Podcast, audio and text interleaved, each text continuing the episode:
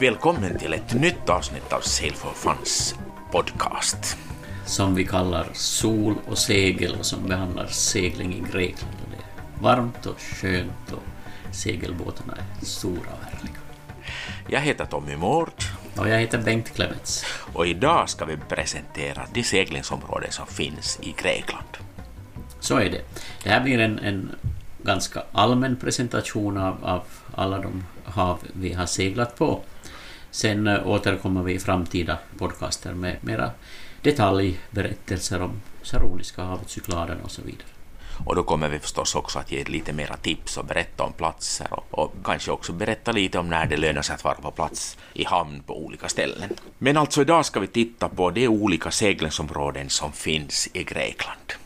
Och det är då Saroniska bukten och Cykladerna och Argoliska bukten när man flyger till Aten. Och det, det är väl kanske största delen av Sail Funds skeppare som flyger från Helsingfors till Aten. Så är det.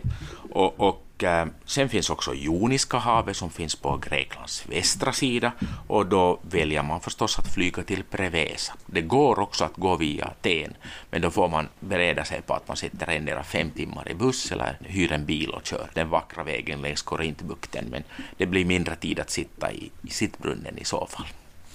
Sen har vi då östra delen av, av Grekland, eh, Dodekaneserna, Tolvöarna med baser i Kos och Rhodos. Sen kan vi också nämna att Sail seglar också i Karibien. Men att eh, det tänker vi ta upp i ett skilt avsnitt och presentera lite närmare då. Men ska vi först ta en titt på Saroniska bukten? Vad tycker du man allmänt kan säga om den? Det är väl det, nu talar jag om maj och juni speciellt, att det är väl det varmaste vattnet och, och eh, svagaste vindarna, inte svaga vindar nödvändigtvis alla gånger, men, men svagare än i cykladerna. Eh, Ja, man brukar ibland säga att det brukar vara en Bofors skillnad kan det vara mellan Cykladerna och Saroniska bukten. Så blåser den sex Bofor eller fem Bofor i Cykladerna så är det då fyra eller fem i Saroniska. Ja, och, och där finns ju också några av mina absoluta favoritöar. Poros och Hydra utan bilar. Och Egina till exempel. Ja, själv har jag också uppskattat lugnet i Vati på Metana och också Epidavros med sin fantastiska antika amfiteater som finns där. Och Korfos där man seglar in i restaurangen. Alltså.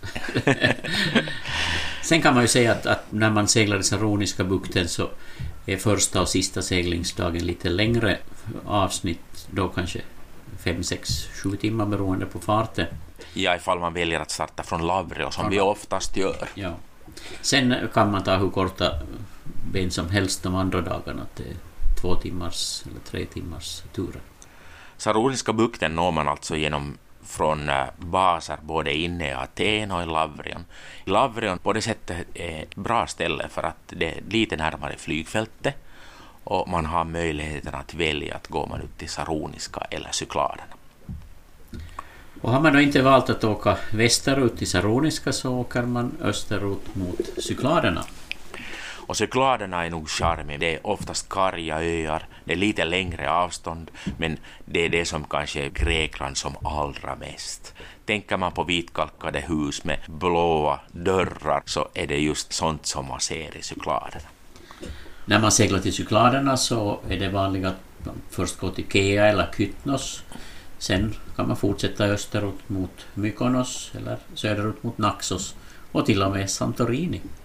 Och Santorini är nog fantastiskt att segla till, men då kan det vara bra att komma ihåg att man gärna ska ha nog två veckor på sig för att inte behöva ha skynda allt för mycket under sin seglats utan ha tid att njuta också. Så är det. Sen en- är det väl lite bättre servicenivå i Saroniska. Tänker man får elektricitet och vatten nästan överallt. I Cykladerna får man inte riktigt i alla hamnar i alla fall. Nej, det, det är förstås. När det gäller tidig vår och tidig höst så har vi föredragit att gå till Saroniska. Cykladerna är mest idealiskt om man åker i början av juni. Man kan räkna med att meltemen, alltså den här nordostliga vinden som brukar dyka upp på morgonen och hålla på ända till kvällen, så den startar i Cykladerna ungefär efter vår midsommar och håller på till augusti. Den är nog också seglingsbar, men man får då räkna med att det är vindar på en 10 meter, kanske uppåt nästan dagligen. Ja. Sen har vi Argoliska bukten. Där har du seglat mer än jag. Ja, Argoliska bukten så ligger alltså söderöver från Saroniska bukten och framförallt att när man från Hydra seglar söderöver mot Spetses så är man ränder inne.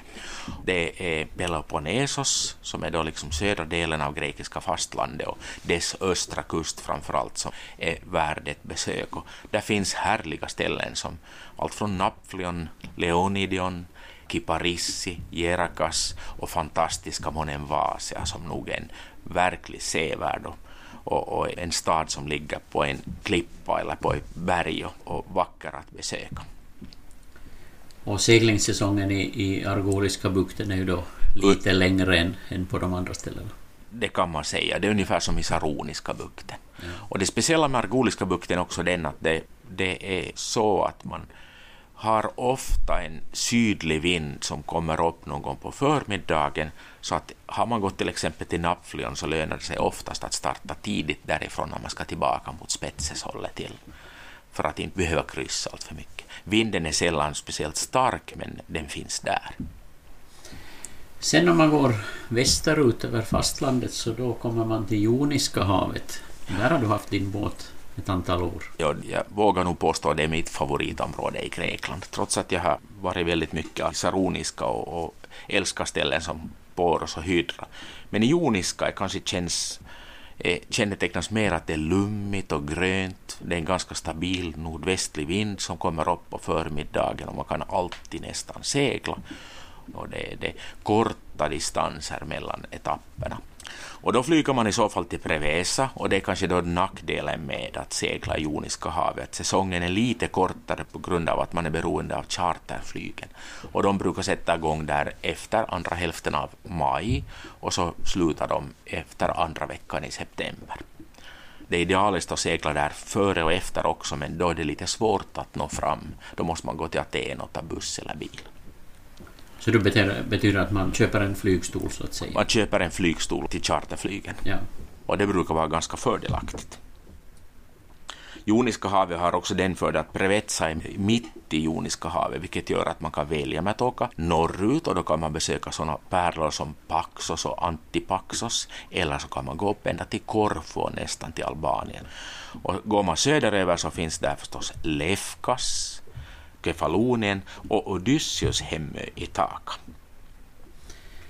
Sen har vi då till sist Tolvöarna, Dodekaneserna i östra delen av Grekland. Det här är ju då ett havsområde som just nu förekommer väldigt mycket i nyheterna med alla dessa flyktingbåtar. Så där finns andra krav på att chartra sin båt i, i den delen av Grekland förstås. Ja. Då finns det baser både på Kos och på Rhodos och faktum är att det i Kos finns till och med två olika baser. Dels i Kos city och så finns det också en utanför på sydöstra kusten.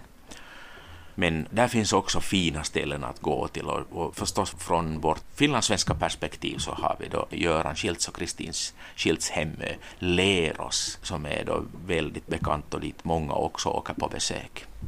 Och det betyder att det är minnesregatta varje höst, Göran Schilds minnesregatta. Där Sail for Fun ju deltar med två båtar. Så är det i år, ja.